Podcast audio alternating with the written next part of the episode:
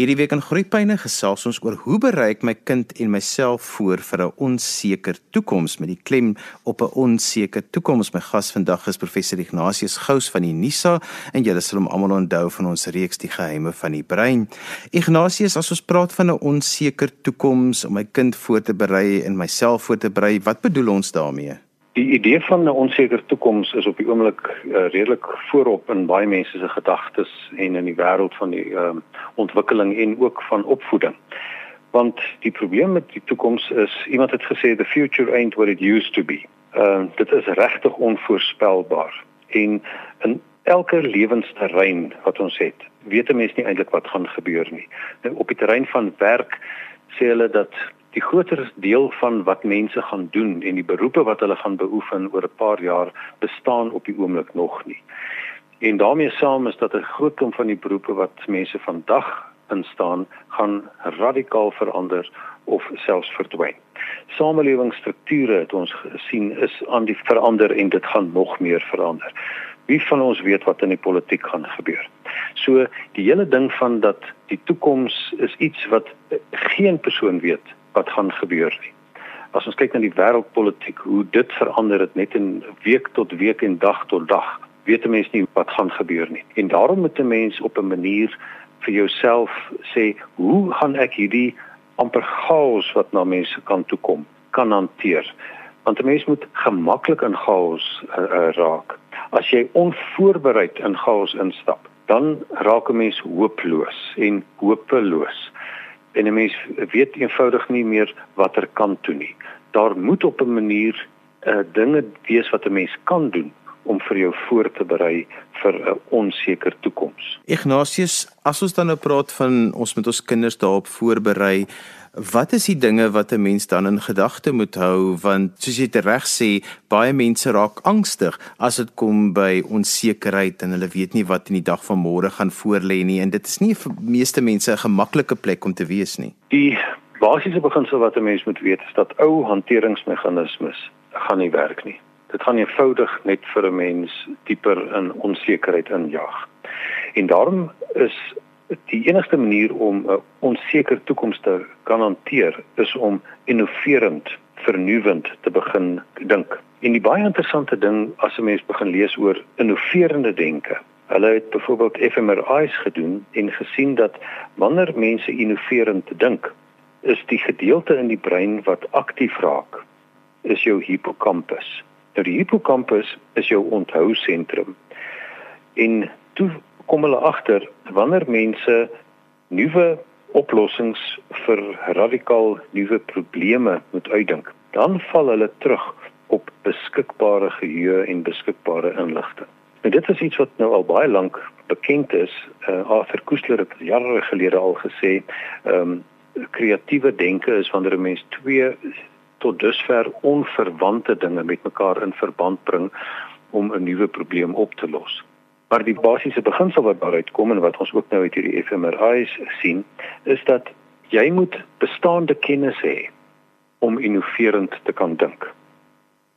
En as jou bestaande kennis uh areas en kennisstrukture beperk is, gaan jy met ander woorde nie uh dinge kan doen wat uh radikaal nuwe of so praat van wicked problems kan aanspreek nie. Uh om baie prakties te raak. As al televisieprogramme wat jy kyk na die, die is die Kardashians en Jerry Springer beteken dit jou enigste hanteringsmeganisme gaan wees teen een om harder te slaan of harder te skree. Maar as ons aan die ander kant kyk, wie is die innoveerders van ons tyd? Is dit mense soos Bill and Melinda Gates en uh, Elon Musk en Warren Buffett? En die kenmerk van daardie mense, hoe dan ook George Bezos byvoorbeeld van Amazon. Uh, as jy na al daai mense kyk, die een ding wat hulle met mekaar deel is dat hulle het 'n geweldige leeslus en 'n geweldige uh, lees manier van doen. Hulle lees 2 tot 3 boeke per dag en hulle sê hulle het omtrent 5 na 6 uur per week wat hulle heeltemal afstaan net aan een ding en dit is om nuwe kennis te verwerf. En hulle is dus almal wyd belese. En as hulle dus voor 'n probleem staan, is daar in hulle hippocampus waar daar by ander mense een of twee baksteentjies is, is daar by hulle honderde bakstene maar ook 'n geweldige klomp ander boumateriaal wat hulle kan op reken om 'n nuwe struktuur te bou en 'n nuwe oplossing daar te staan. En hulle bou dus nie net 'n modderhut of 'n takskerm nie, hulle het 'n gebou wat die toets van die tyd en die aanslag van wat ook al kom kan weerstaan omdat daar baie is. As ons dus 'n onsekere toekoms wil aanspreek, moet ons ingelig wees en dan kom 'n mens by die volgende ding is 'n mens moet leer. Hoe doen 'n mens dit? Deur te leer. Maar leer word gewoonlik gesien is dit is memoriseer en dis om 'n toets te skryf en om 'n toets deur te kom, maar dit is maar 'n klein gedeeltjie van wat leer is. Leer is eintlik 'n bewusstellike en 'n gestruktureerde manier om die lewe te leer bemeester. En dit gaan dus op die ouend oor 'n leefstyl. En waar ek vir mense sê as uh, hulle na my toe kom vir hulp, waar ek sê jy moet heeltyd vir jouself sê ek leer met 'n passie en dit beteken dat ek het selfkennis nodig en ek het kennis nodig oor waarheen 'n mens gaan en ek het kennis nodig oor hoe 'n mens dit doen. Ignatius, maar hoe help ek dan kinders hiermee want ehm um, al hierdie gedagtes is is is wat mense as volwassenes makliker kan toepas of ja, as mens ook nou nie uh, aandag daaraan skenk nie, dan sukkel 'n mens, maar uh, hoe kom ek by kinders daarbey uit om dit in amper wil ek sê verteerbare eenhede vir hulle aan te bied? Op die ou end gaan dit daaroor dat 'n mens moet in jou dag tot dag program moet 'n mens dit baie natuurlik in inbou. En ek dink daaroor kan ons verskriklik prakties word van wat 'n mens doen die oggend as jy wakker word tot die aand wat jy gaan slaap. Miskien moet ek net voordat ek weer daarby kom na iets anders verwys, net oor kennis en hoe mens kennisstrukture bou. Want op die oomblik is daar in ons land 'n baie groot gesprek wat hulle noem oor die dekolonisasie van die kurrikulum waar hulle sê jong Ehm um, ons sit met ou gedagtes wat uit ou strukture uitkom en ons moet eintlik daarvan ontslaa raak en dan moet ons nuwe dinge wat oor relevantie gaan uh, eerder daarop ehm um, konsentreer. En dit is hoekom mense deesdae uh, so net op die sosiale media op die hier en die nou konsentreer, jy weet, inligting wat nou van belang is. En hoekom hulle in sommige 'n uh, tipe van skole van laerskool, hoërskool tot universiteit te sê jong, die ou goeters, mense hoef nie eintlik in te kennis in te drill nie. Mense weet, weet ons waar dit kan kry. Jy weet dit is hulle praat van the fingertip generation waar jy alles op die internet, jy kan net vinnig 'n dingetjie vra en daar het jy dit. En op die oomblik wat 'n mens moet na kyk, as jy kennis uh, wil hê, beteken dit jy moet na drie dinge kyk. Mens kan nie net na die hede kyk en relevantie en wat nou vir my belangrik is en waar ek dit nou onmiddellik kan kry. Die mens moet ook kyk na die verlede, na bestaande kennis en dan moet 'n mens kyk nou hoe gaan jy dit toepas in in op die toekoms. So mense kan dit amper in drie woorde opsom. Jy kan dit opsom in toga, tekkies en toekoms. Waar toga die ou kennis is en die ekspertise uh wat van jare af kom en wat getoets is deur die tyd. Waar die tekkies gaan oor die relevantie, ek moet dit help nie ek leer iets en ek weet nie hoekom ek dit leer nie. Dit mens moet kan sê net maar waar pas dit in in die huidige uh, tipe van uh, opset waarin ek is. Maar die toekoms, daar gaan dit oor die vermoë om onsekerheid te hanteer en dit is waar hierdie hele ding kom van innoverende denke. Maar as 'n mens dit dan nou vertaal in hoe ek 'n dag doen. Kom ons vat 'n dag van die oggend tot die einde. Mens moet 'n paar dinge doen. Die mens moet vir jou kinders help om eerstens in 'n leeromgewing te wees wat leervriendelik is. En kom ons dink net maar as jy opstaan in die oggend wat gebeur. Gewoonlik is dit hierdie vinnige ding, jy weet, ons moet almal jaag om betyds te kom. Terwyl as 'n mens van die oggend as jy wakker word op 'n manier dit reg kry dat 'n mens kan rustig wees, dat 'n mens nie jaag nie dat alles voorberei is en dit is waar die vorige aand inkom, die goeders op hulle plek is. Almal het 'n deel gedoen. Dis nie net maar wat moet sorg dat alles reg is nie. Elkeen het 'n deel gedoen En ons het dus tyd om te sê nou maar goed hierso kom ons sit vir 'n oomblik en ons dink oor die die dag en ons praat en ons sien uit na 'n positiewe dag. En dan beteken dit 'n mens begin op 'n goeie voet. Wanneer mense in die kar ry, uh wat gebeur gewoonlik? Jy weet, een konsentreer op die verkeer en die ander is maar op besig op die foon of sulke goeters. Dit is 'n tyd waar 'n mens dinge kan doen wat weer eens kan vir jou help om voor te berei vir die dag. Kom ons praat hieroor of ons speel speletjies uh doen optelwerk met die nommerplate en kyk na die soorte karre want jy weet 'n kennisstruktuur gaan daaroor dat jy byvoorbeeld dinge in verband met mekaar kan plaas. Ehm um, dit as jy jong kinders het dan kan jy sê nou maar goed kom ons kyk na watter soort karre sien jy weet uh, weet jy sien karre wat 'n sedan is en jy sien 'n kar wat meer 'n stasie was en jy sien vragmotors en so aan. Jy weet so jy help vir hulle om dinge raak te sien in die omgewing en dit in verband met mekaar te plaas. Uh sommer net iets heeltemal wat hiermee verband het maar wat nou nie in daai tyd van die dag inpas nie. Dis dit is hoekom dit goed is om goeders te doen soos uh voelkyk as jy nou amateur ornitoloog is. Dat jy vir hulle kan leer maar eerstens dinge pas in groepe in. As ek 'n sekere soort voel sien, dan beteken dit ek weet hierdie is deel van die duifamilie en daar's nie net uh, soos iemand gesê het vliegseisies en sitseisies en dryfseisies nie jy weet jy kan sien in Suid-Afrika is 960 soort voëls, uh verskillende spesies en hulle pas in, jy weet en dit leer vir 'n mens ook om te sien maar hoe kan ek tussen hierdie ene en daardie ene uh onderskei want ek sien byvoorbeeld uh met die verskil tussen een voël en ander voël is soms net waar die ring sit of waar die oog weet of daar is die kleur wat rondom die oog is, die oogvrat en sulke dinge. So om dit te doen of om blomme te leer ken of bome of om grassoorte te leer ken of uh karre of soorte vliegtye of sulke dinge. Al daai dinge help vir kinders om op 'n speelse manier lekker dinge te leer en te sien maar goed kennis pas in strukture in en daar's verbande en daar's dinge wat 'n mens moet kyk dat jy na detail moet kyk maar ook na die groot prentjie. So dis goeders wat 'n mens kan doen byvoorbeeld om wanneer mens ry of wanneer 'n mens op vakansie is. Ek gesels vandag met professor Ignatius Gous van die NISA en ons gesels 'n bietjie oor my kind en myself en oor 'n onseker toekoms en ons praat oor die rol wat innoverende denke en kennis speel juis om 'n onseker toekoms vir ons almal self makliker te maak om te hanteer. Ignatius, ja, ons het nou in die eerste gedeelte van vandag se program lekker gesels oor wat is 'n onseker toekoms en watter rol speel innovasie en kennis en al die dinge. Maar wat kan ek nog doen met my kind om hom te help om jy se onseker toekoms te kan hanteer? Die hele ding gaan oor dat leer is 'n leefstyl en dit ehm um, gaan nie net oor die daai gedeelte van die dag wanneer ek iets moet memoriseer en op die manier bemeester nie. Dit gaan oor die totale manier van hoe ek iets uh aanpak. En weer eens as 'n mens oor 'n onseker toekoms dink, mens kan nie voorspel en jy weet nie wat vir jou gaan voorlê nie. Maar kyk maar na 'n paar ander terreine. Nou wat mense doen om sulke onvoorspelbare dinge goed te kan hanteer. Kom ons kom ons kyk na twee aspekte. Die een is die aspek van sport en die ander is die aspek van om 'n vliegtuig te vlieg. 'n Sportwedstryd is iets wat totaal en al niemand weet wat gaan gebeur. Hy het nie soos hulle sê 'n skrip wat hy gaan volg en wat 'n mens wat kan wat ontplooi nie. Uh, jy het geen idee wat in die ander ou wat voor jou is se kop is nie. Nou wat doen die mense as hulle afrigting doen?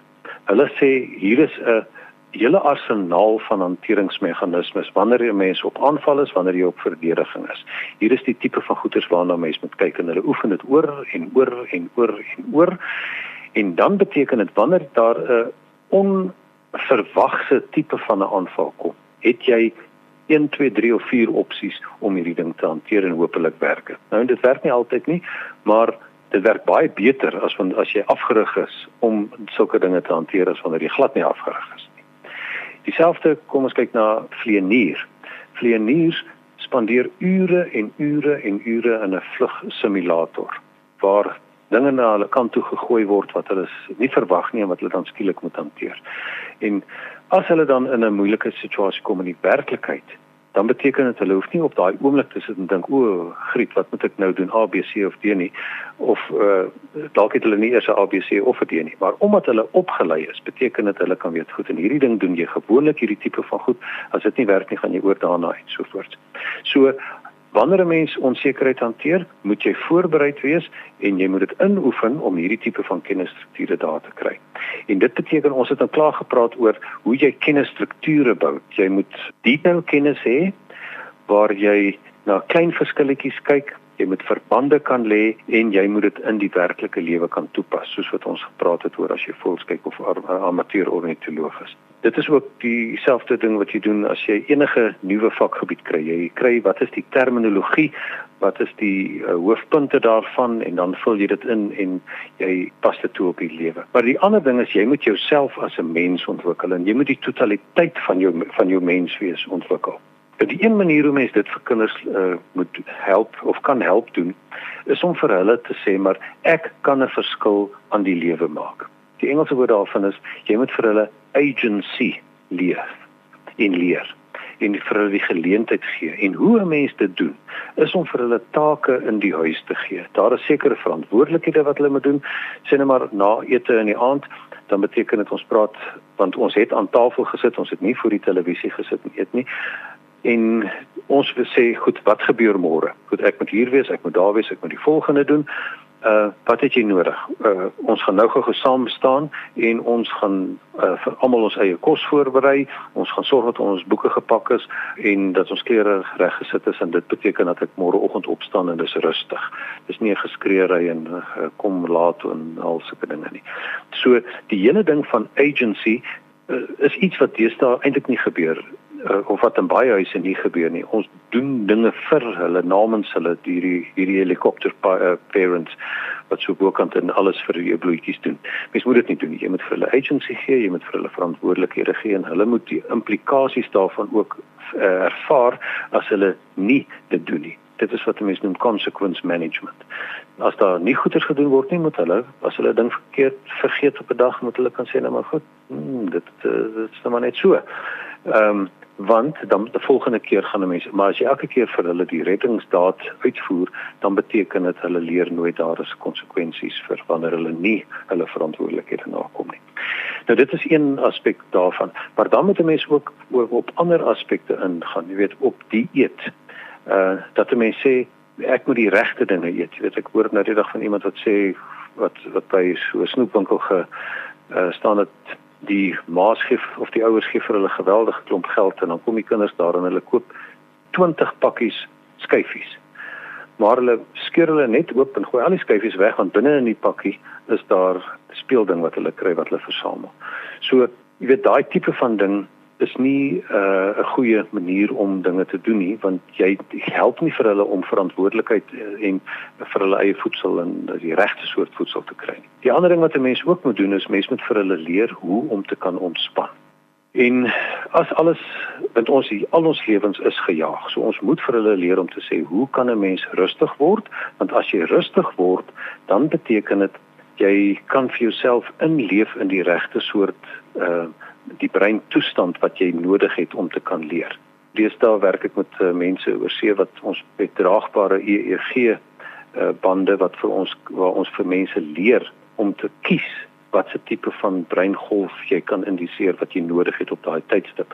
Maar selfs as 'n mens dit nie het nie, kan jy byvoorbeeld met asemhaling, kan jy vir hulle sê, so leer 'n mens om uh, jou net bietjie af te skakel van die omgewing en om jou in te skakel en in te leef by wat jy doen. En die manier om dit te doen is eintlik geweldig eenvoudig, maar dit werk verskriklik goed. Wat jy doen, jy sit al jou 5 punte van jou vingers, jou twee hande te mekaar en dan tel jy terwyl jy jou asem deur jou neus inhaal. 1 2 3 4 5.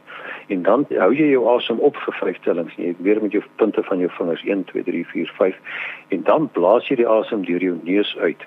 1 2 3 4 5 6 7 8 9 10. So dit is 5 in 5 hou 10 uit. En as jy dit 5 of 6 keer doen, is die effek daarvan dat mense rustig word en die feit dat jy jou hande te mekaar hou, beteken dit jy skakel van buitekant af uit en jy kom in in in in totdat jy binne by jou is. So dit is die tipe van goeders wat 'n mens moet self doen en wat jy vir jou kinders moet doen om vir jou te help leer.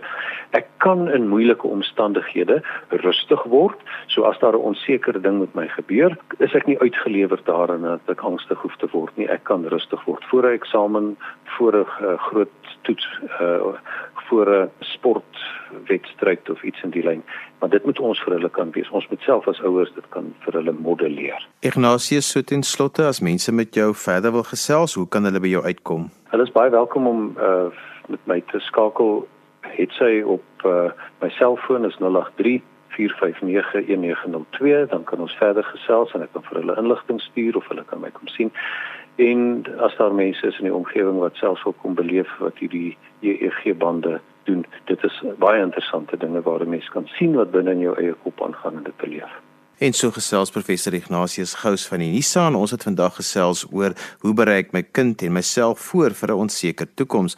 Onthou jy kan weer na vandag se program luister as 'n pot gooi. Laat dit af by resgep.co.za. Skryf gerus my e-pos by Johan@groeipyne.co.za. Dan groet ek dan vir vandag tot volgende week van my Johan van Lille. Totsiens.